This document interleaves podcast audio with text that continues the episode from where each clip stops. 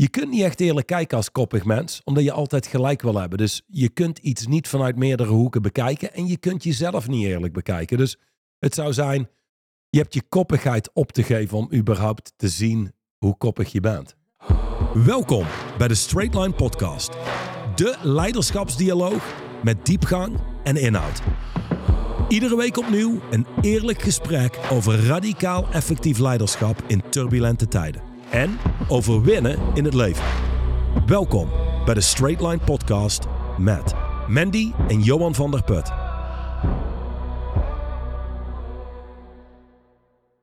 Vandaag staat de podcast in het teken van koppigheid. Oftewel hoofdstuk 13 van het boek Inner Stance. De titel zegt Stubbornness is weakness. Oftewel, koppigheid is zwakheid. Dat is wat, uh, wat zegt met die titel. Zal ik gewoon starten met een klein stukje voorlezen en dan begin jij met jouw uh, ding? Uh, iedereen weet dat het jouw podcast is. Jij kunt er nogal koppig in zijn. Dus ik, ik stap gewoon aan de kant en, en, en doe wat je moet doen. En dan vervolgens... Nou, top, top, dan lees ik de eerste paar zinnen van dit bulletin, uiteraard in het Engels. Stubbornness is you can't make me. Stubbornness is also I'll do it all by myself. Stubbornness is I know it all. Most stubborn people are fearful people.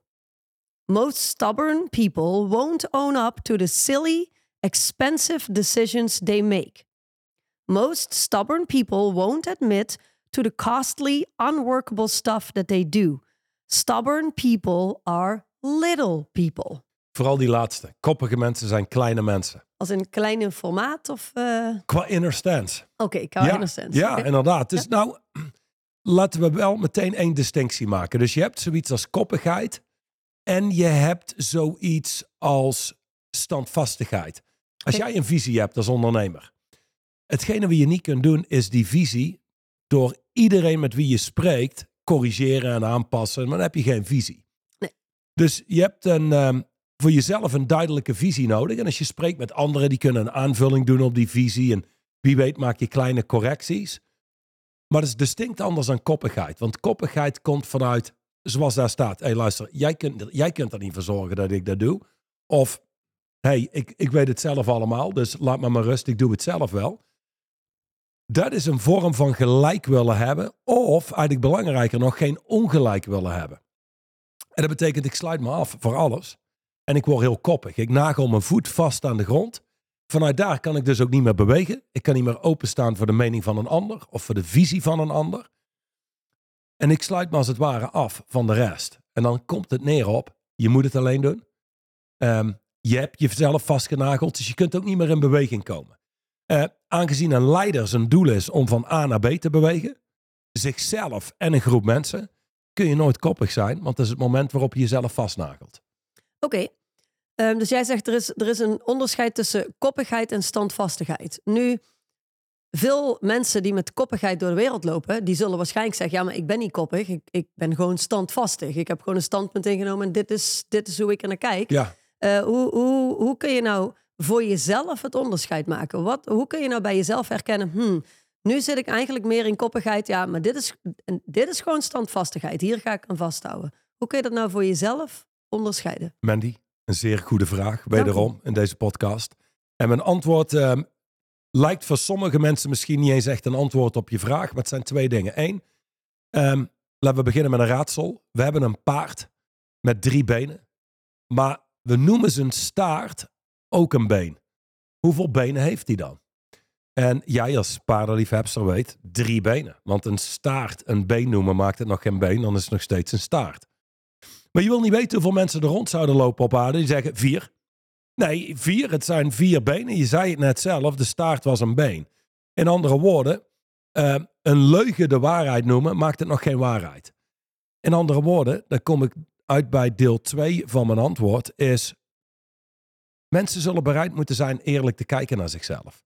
En koppige mensen zijn over het algemeen niet bereid om eerlijk te kijken naar zichzelf. Want die kijken vanuit, ik heb gelijk. Dus als het is, hé, hey, luister, dit is niet standvastig. Jij die een standpunt in hebt genomen. Dit is gewoon koppig. We zien dat wat je doet niet werkt. Je zit mij in de weg, je zit anderen in de weg. je kunt niet echt eerlijk kijken als koppig mens, omdat je altijd gelijk wil hebben. Dus je kunt iets niet vanuit meerdere hoeken bekijken en je kunt jezelf niet eerlijk bekijken. Dus het zou zijn, je hebt je koppigheid op te geven om überhaupt te zien hoe koppig je bent. Oké, oké. Zou je dan nog uh, bijvoorbeeld, weet ik veel, naar je omgeving kunnen kijken? Ik kan me namelijk voorstellen, als ik jou zo hoor spreken, dat uh, koppige mensen, zoals je net zelf zei, die duwen vooral een hele hoop mensen weg en, en, en komen op een punt waarop ze het ook allemaal zelf moeten doen en allemaal zelf moeten weten, mm -hmm. want iedereen is ongeveer uitgecheckt op ze.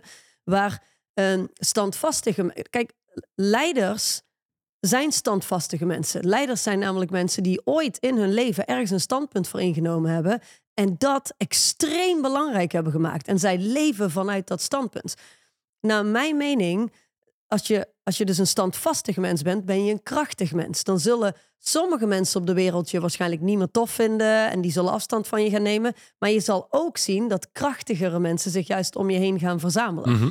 Zou je kunnen stellen, of stellen mag ik niet meer zeggen, zou je kunnen zeggen uh, dat mensen uh, op die manier ook kunnen kijken? Weet je, als je steeds meer mensen in je omgeving aan het verliezen bent, maar er zijn ook behoorlijk weinig of geen krachtige mensen die, die toegevoegd worden aan je omgeving, ja, dan ben je waarschijnlijk gewoon heel koppig. Dan ben je waarschijnlijk gewoon altijd maar je gelijk aan het halen. Terwijl als je ziet, oh ja, ik ben wel mensen kwijt aan het raken, maar aan de andere kant ben ik serieus waardevolle mensen aan het, uh, erbij aan het krijgen in mijn leven, ja, dan, dan ben ik blijkbaar een goed standvastig mens. Dat zou je zo kunnen stellen, Hm. Mandy, absoluut. Ehm, ja, nou ja, weet je, ehm, koppige mensen komen over het algemeen aardig alleen te staan, omdat er moeilijk mee te werken is. Hm. Ehm, een standvastig persoon, daar kun je mee spreken. En ik weet nog dat ik ging werken met Duchan en die deelde me het volgende. En ik zal dat eh, samenbrengen met wat we net deelden. A true master can see from any perspective.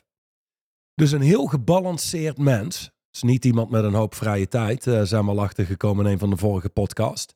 Maar is iemand die alles kan zien vanuit meerdere invalspunten, uh, invalshoeken, vanuit meerdere gezichtspunten. En vanuit daar de meest werkbare optie kiest. Als jij een standpunt inneemt, dan kan het best wel zijn dat in de komende jaren het standpunt verstevigt en je hebt dingen vanuit meerdere hoeken bekeken. Dus je visie wordt krachtiger. Je visie wordt Groter, breder. Ja, wordt aangevuld door je omgeving. Wat je als leider nooit kunt doen is... Oh, wacht, nu sprak ik die, die had een andere visie. Nou ga ik daarmee. Zeg maar, je noemt dat in coaching a pinball machine mentality. We Ja, gaan dan ben steeds alle meer kanten een op. volger. Dan volg je anderen in plaats van dat je leidt. Exact. Mhm. Dus een leider is standvastig. Wat het koppig maakt, is dat je niet meer bereid bent te kijken naar andere standpunten. Ja. Dat je niet bereid bent je te verplaatsen in andere mensen. En dat het dus is, dit is de manier, dit is de enige manier. En we komen vanuit een positie, en we zijn dus ook positioneel, vanuit gelijk willen hebben. Ja, precies. Ik denk dat daar een, een belangrijke zit wat je daar zegt. We zijn positioneel. We hebben gelijk op het moment dat we koppig zijn. Hè, dan zijn we daarvan overtuigd. Ehm, dus even los van het feit dat je het kunt zien aan je omgeving waarin je leeft, ehm, kun je het waarschijnlijk simpelweg zien aan de, aan de conversaties die je hebt. Het doet mij denken aan. Ik zit op dit moment in het midden van. eh, we hebben twaalf magazines die gekoppeld zitten aan de thema's van onze lidmaatschappen. En die ben ik aan een revisieronde aan het geven. Waardoor ik gisteren ehm, het magazine las. Welk thema was dat? Ook communicatie. Met eh, jouw grote vriend en al jarenlange cliënt Chris Slabbink. En eh, die in zijn interview spreekt hij over ehm, dat hij het boek Straight on Leadership op vakantie had gelezen. En aan zijn, aan zijn vrouw had gegeven, gevraagd of zij een paar hoofdstukken wilde lezen. En ehm, zei, ja, ik denk dat ik dit wil gaan doen. Waarop zij een beetje huiverig was en dacht, oef, maar, maar Je wordt nog rechtlijniger. ja, precies dat. Ehm, en achteraf kwam hij erachter dat hij eigenlijk helemaal niet per se zo rechtlijnig was, maar inderdaad gewoon heel, heel, heel koppig was, denk ik. En niet heel goed was in communiceren. Hij is denk ik één van de leden die daarin, eh, ehm, eh, nou ja, ik denk wel echt wel voorop loopt. Ik vind hem serieus goed in communicatie. Ehm, hij is ook heel erg goed in zich kunnen verplaatsen in de ander en vanuit daar eh, het gesprek voortzetten. Ja. Dat maakt natuurlijk het onderscheid tussen koppige mensen en standvastige mensen. Hij heeft een heel mooi standpunt ingenomen in het leven. Maar volgens mij zijn zijn relaties beter en krachtiger en warmer dan ooit tevoren. Ja. Ja. En dit is een goed voorbeeld. Ehm, ik denk dat hij eh, koppig kon zijn. Ja, ongetwijfeld zou hij er nog steeds met momenten zijn. Ik Al bedoel, die mannen in jouw lidmaatschap het is een mens. Eh, dus dat is simpel. Dan heb je, eh, eh, soms word je positioneel. En, ehm, En dat hoort erbij. Fijn. ja. Ja. Maar zijn vrouw dacht, hij wordt veel rechtlijniger. Maar als je een boek leest, het is heel zwart-wit. Al het grijs gebied wordt weggehaald. Maar grijs gebied zorgt voor mist. Dat je niet meer helder kunt zien. Je hebt contrast nodig om iets te kunnen zien. Dus waarschijnlijk daardoor denkt ze... Oh, nou wordt het eigenlijk helemaal een of ander rechtlijnig Ja, straight Mens. line zegt het al. Hè? heel, heel binair, weet je wel, maar één richting. Ehm, maar vervolgens komt ze tot de conclusie, hey, hij is meer gebalanceerd, staat meer open voor anderen, hij luistert beter. Hij weet distincties te maken, waardoor hij een standpunt kan innemen en niet zozeer gelijk wil hebben, ook omdat hij onderscheid heeft kunnen maken in wat er intern in hem gebeurt. Ja, dat is, ehm, die heeft koppigheid en gelijk willen hebben opgegeven. En dat heeft plaatsgemaakt voor nieuwsgierigheid, kunnen verplaatsen in een ander. En vanuit daar standvastigheid. Precies. Je brengt hem niet uit balans. Hij heeft een duidelijke richting. Daar gaat hij voor. Hij weet waar hij voor staat. En is ook altijd bereid om te luisteren. En als hij iets hoort wat zijn visie verstevigt, wat hem helpt, zal hij het gebruiken en toevoegen. Ja. Maar anders zou hij zeggen: hey, hier pas ik voor of dat laat ik links liggen.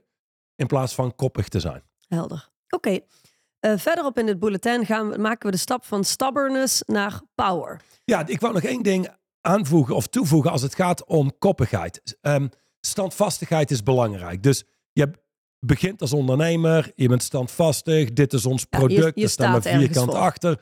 En dan vervolgens zet je door en je blijft doorzetten. Je hebt uithoudingsvermogen, je blijft iets doen, net zolang totdat het succesvol is.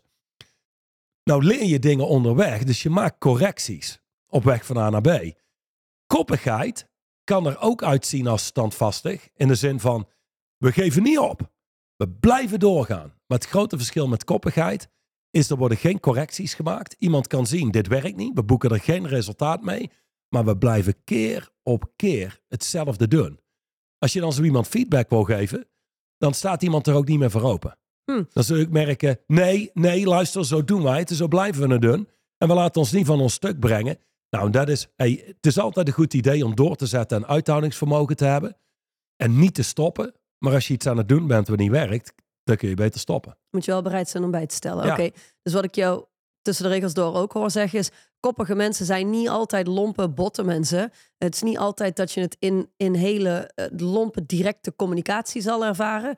Maar eigenlijk zijn ze gewoon, nou, je soort van fixed. Ze hebben een fixed mindset. Ja. Dit is hoe het is. En alle andere opties en mogelijkheden, alle versies van feedback, alle mogelijke correcties, dat is gewoon nee, nee, Ja, nee, nee. en je Ze moet zeggen nee beseffen- tegen alles. Dat de grootste kracht op aarde is wellicht een mens wat geen ongelijk wil hebben. Ja.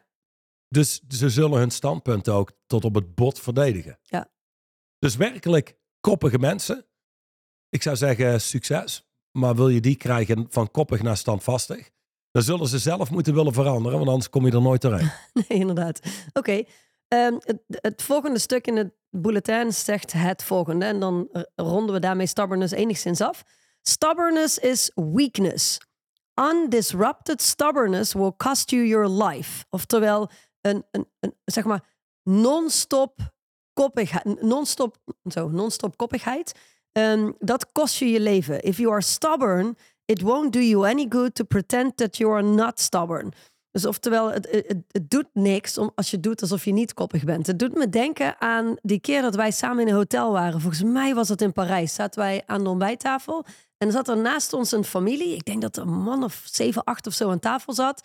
Ehm, kinderen, kleinkinderen, ehm, eh, eh, een vrouw en een man. En die man, die was gruwelijk onvriendelijk tegen iedereen aan tafel. Ook tegen iedereen die aan tafel kwam. Die was non-stop aan het zeuren over, gewoon over alles. Er was echt niks goed. Of er nou een ei op tafel kwam, een salade op tafel kwam, spek op tafel. Uit. Niks was goed. De koffie was niet... Niks, letterlijk niks was goed.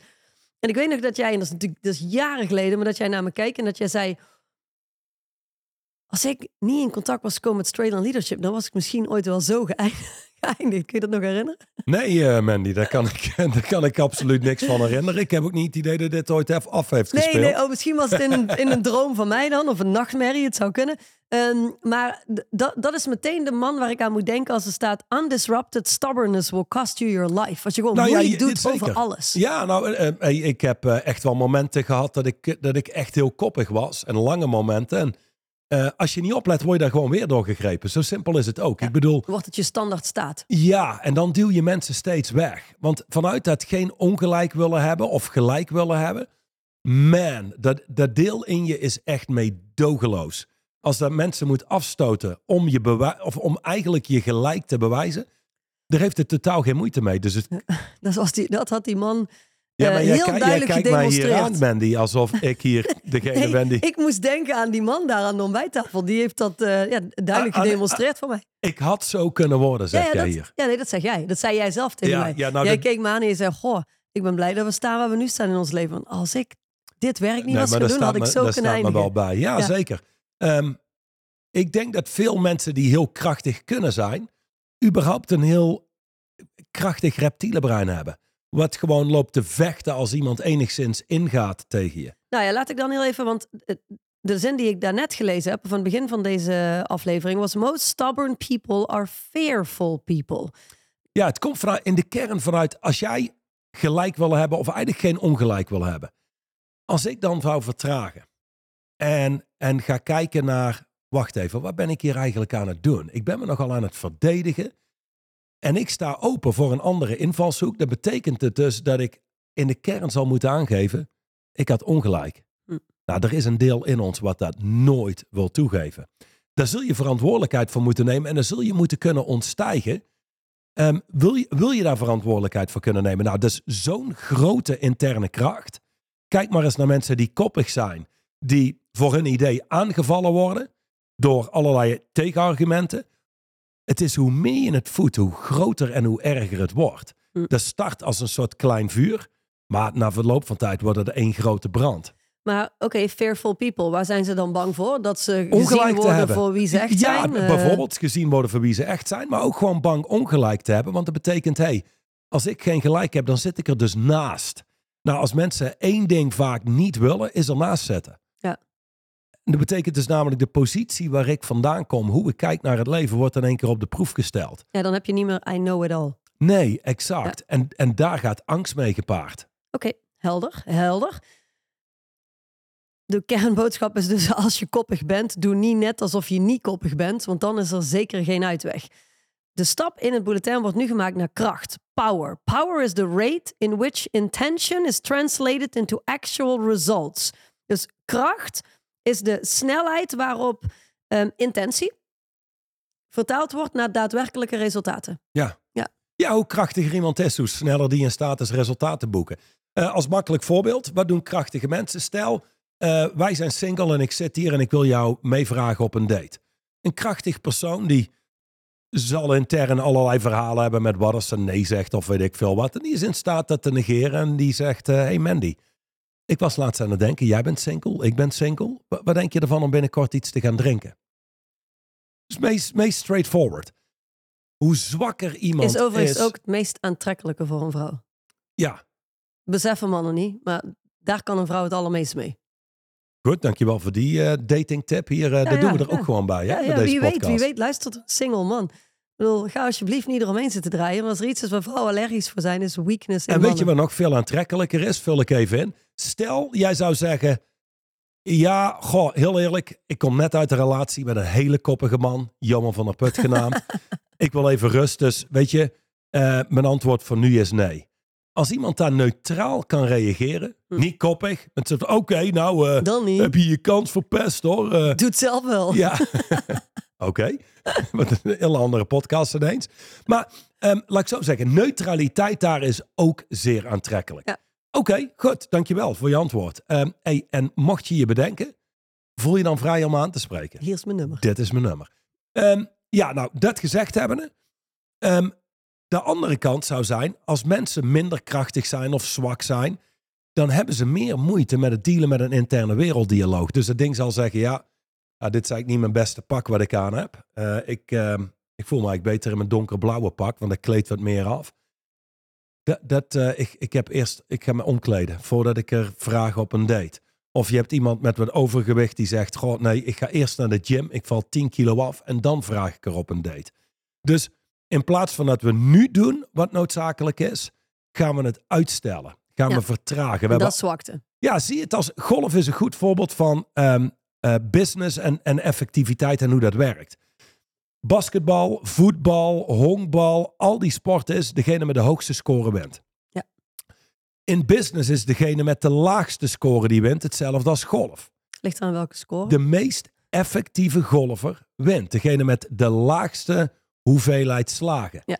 In business werkt degene die de minste slagen nodig heeft om te komen tot een resultaat, die wint. Ja. Dat zijn de winnaars. Zwakheid nodigt uit om heel veel extra bewegingen en slagen te maken om te komen tot dezelfde resultaat. Dus dan heb je sales teams en sales teams is het is nooit nu.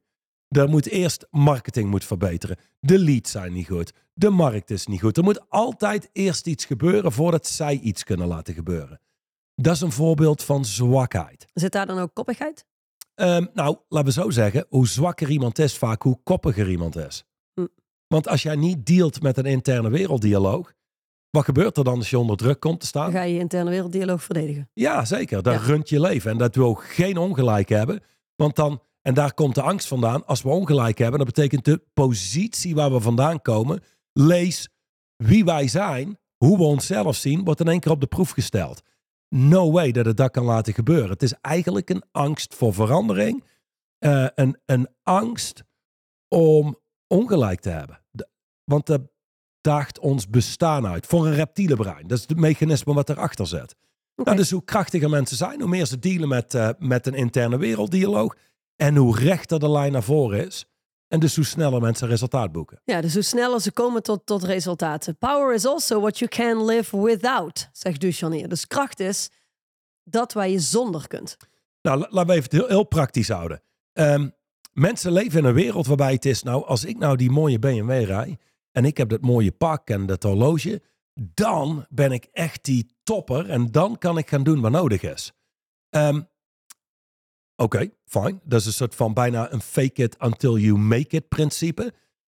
Krachtige mensen zijn in staat om zonder bepaalde zaken te kunnen leven. Dat betekent ehm, aankomen rijden in je Ferrari met een mooi pak, op een afspraak komen, geeft wat meer kracht van buitenaf, zou je kunnen zeggen. Het is geen werkelijke kracht, Mhm. ehm, maar het helpt. Ja, Of het kan helpen. Ik denk dat dat het, eh, vaak het grote verschil is tussen de leider van een organisatie. Eventjes ervan uitgaan dat hij de organisatie van de grond af eh, zelf op heeft gebouwd. ehm, versus iemand die werkt in de organisatie. Ehm, over het, als ik gewoon het voorbeeld neem van onze consultants, die mensen eh, aan boord krijgen van onze lidmaatschappen en aan boord houden van onze lidmaatschappen. Eh, Niks te nadelen van hun, want ik ben, ben mega blij met ons team. Ze zijn eh, echt allemaal toppers. Ehm, en als ik kijk naar wat zij allemaal achter zich hebben staan. Ze hebben een hele organisatie. Ze hebben een marketingmachine. Alles staat achter hun om hun te ondersteunen in hun job. Dat is ook ons werk om dat te verzorgen. Ja, dus zeker, fine. absoluut. Ja. Maar toen jij en ik startten met elkaar, hadden wij niks. Nee, wij dat is hadden geen website. Wij hadden, geen, wij hadden gewoon helemaal niks. Het enige wat wij hadden was onze persoonlijke kracht en de telefoon. Nou ja, en dat is dus, oké, ehm, ehm, real power is what you can live without. Zou je als het ware gewoon zo binnen kunnen stappen, Ja. zonder alles, een website, marketing, noem maar op, achter je te hebben staan. En feitelijk wat mensen kopen is jij. Dat is Ja. de ene kant.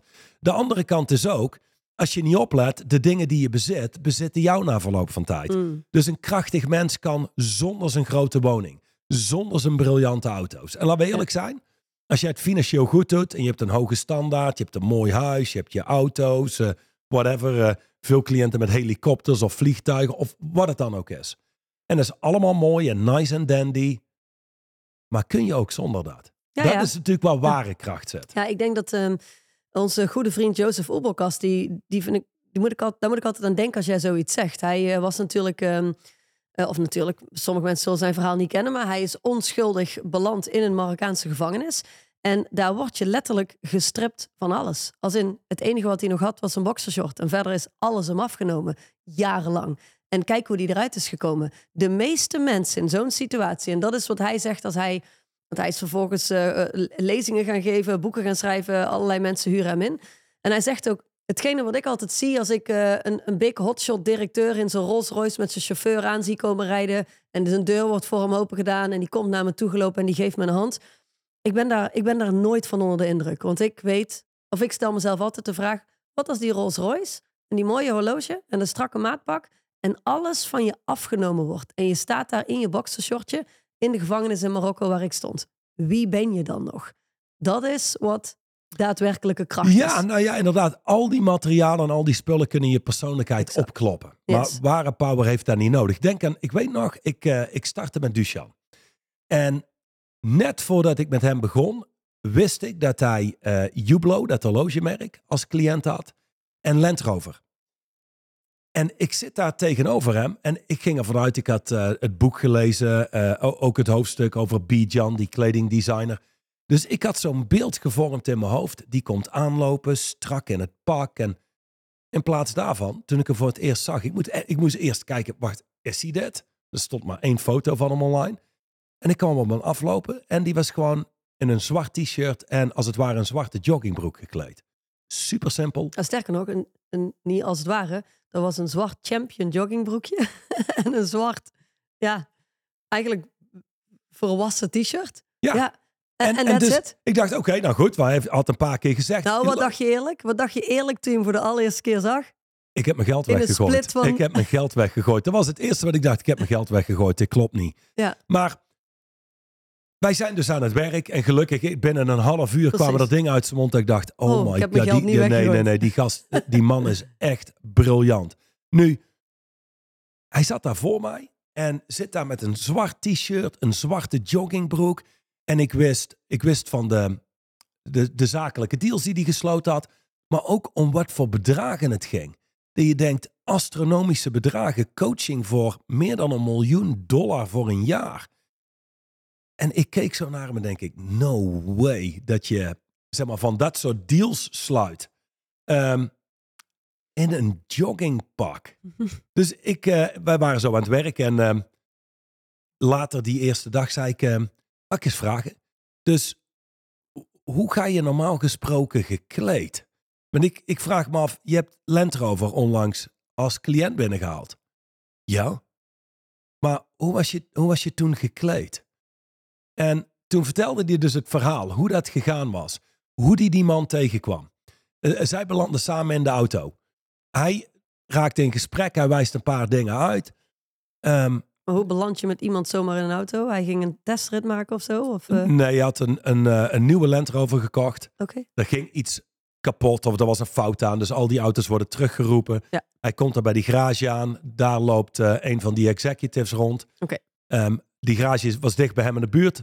Het, ehm, noem je dat? Het materiaal was niet op voorraad of het onderdeel Ja. was niet op voorraad. Dus ze, ze moesten hem thuis afzetten. Dat deed die beste man zelf. Nou, die doet een aantal uitspraken waar Duchan ermee confronteerde. En hoe hem dat behoorlijk wat resultaat kon kosten in zijn leven. Hm. En ehm, nou, hij, hij deelt zo dat verhaal. Ik zeg maar, hoe, hoe was je dan gekleed? Hoe zag dat eruit? Zei hij, well, basically like this. I'm always in black. I'm wearing black. En dan dacht ik, laten we heel eerlijk zijn. Normaal gesproken als iemand een grote zakelijke deal zou sluiten. Laten we dat even betitelen als een grote zakelijke deal.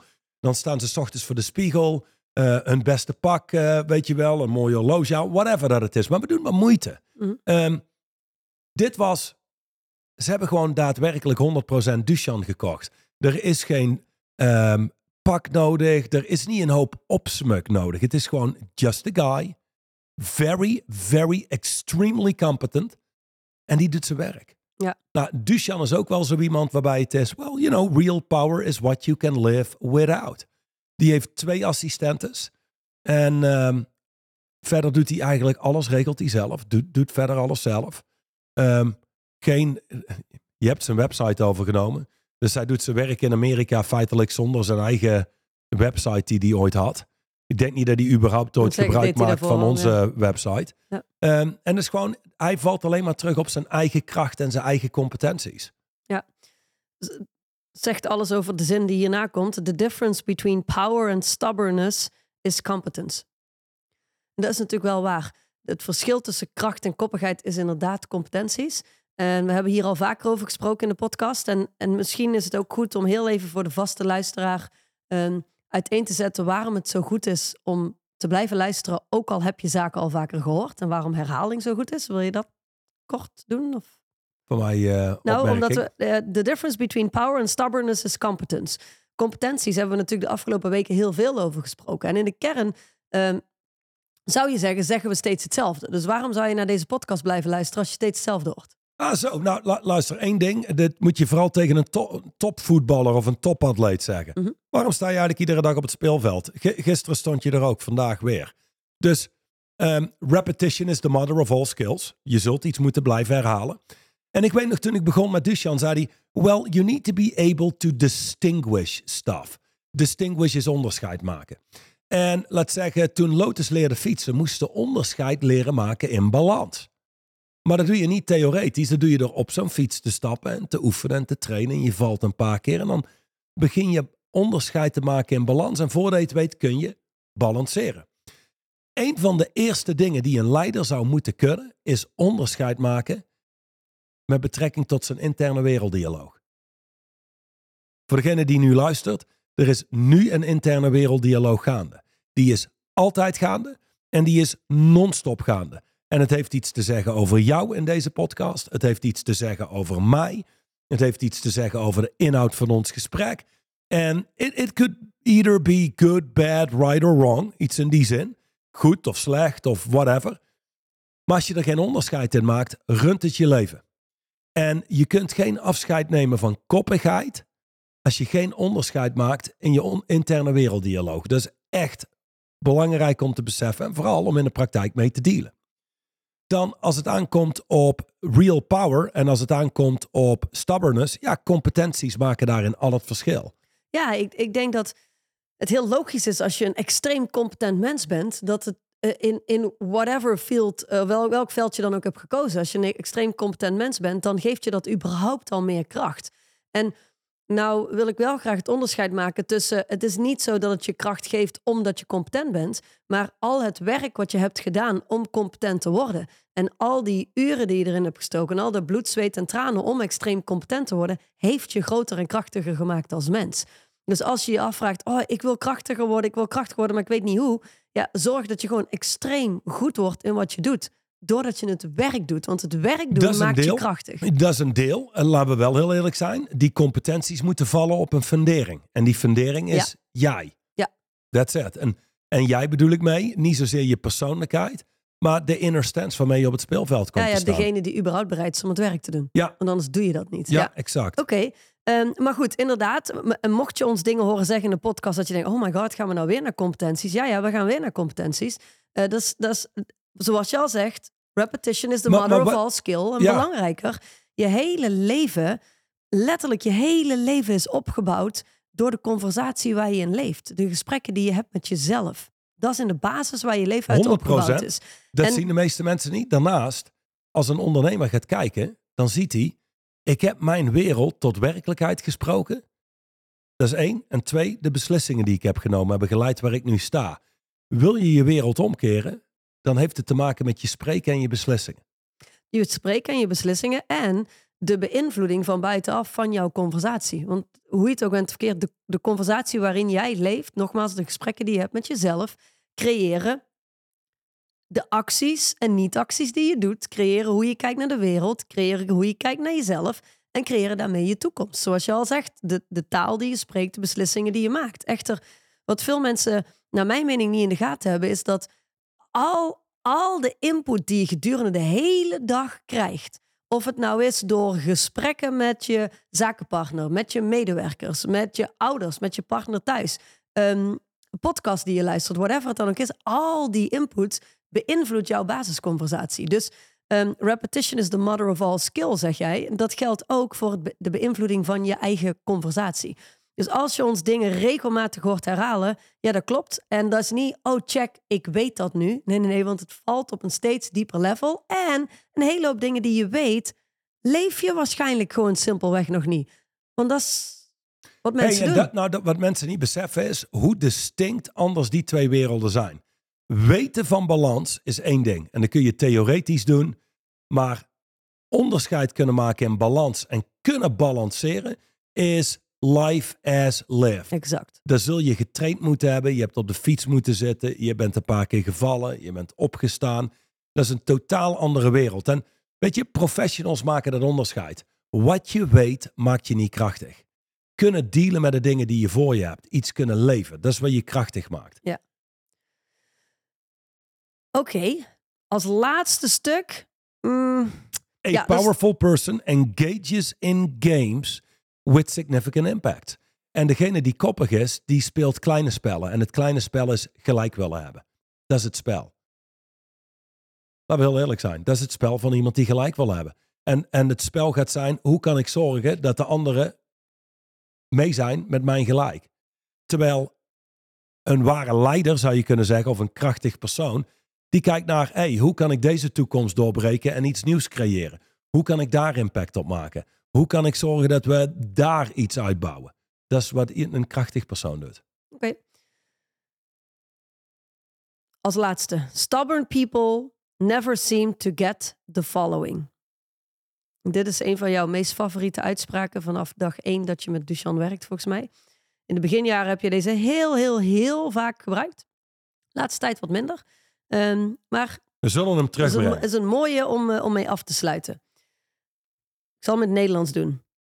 Je grootste kostenpost is het geld dat je kunt verdienen, maar niet doet. Ja, Of je grootste kostenpost is het resultaat dat je kunt creëren, maar niet creëert. ja, dus als je iemand hebt die zegt, nou luister, hey, ehm, ik heb vorig jaar 150.000 euro winst gemaakt. Dat is echt heel goed voor mij.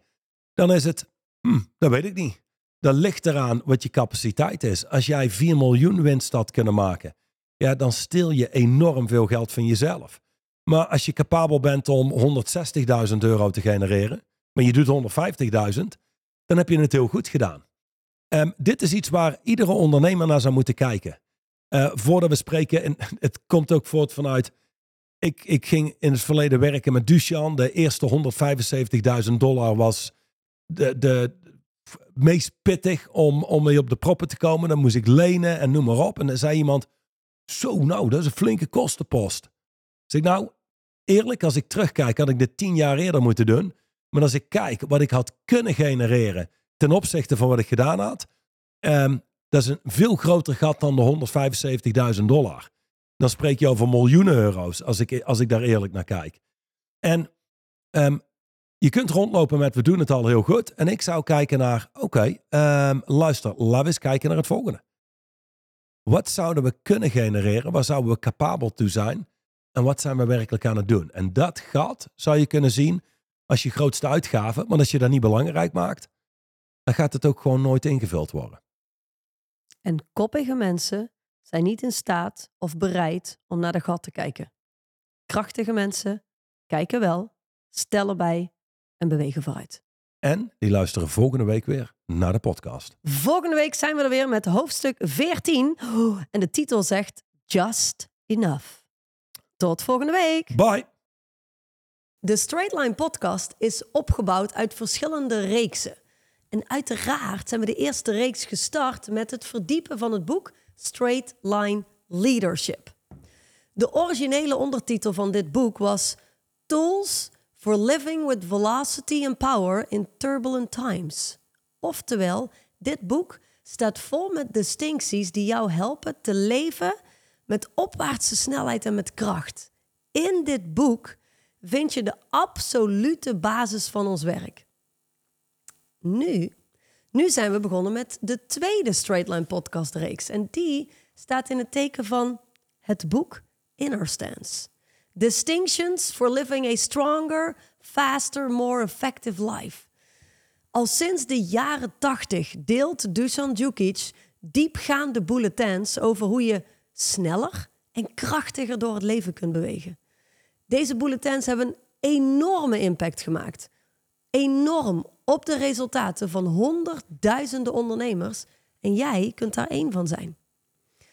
Dit boek, het Inner Stance boek, is een compilatie van al deze bulletins.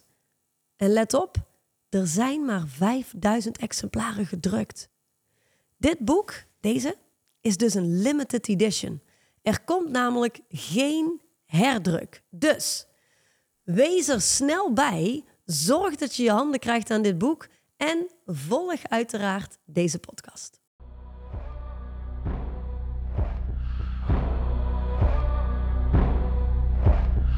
De overige podcast beluisteren of deze nog eens terugluisteren? Ga naar het YouTube of Spotify account van Straightline Leadership.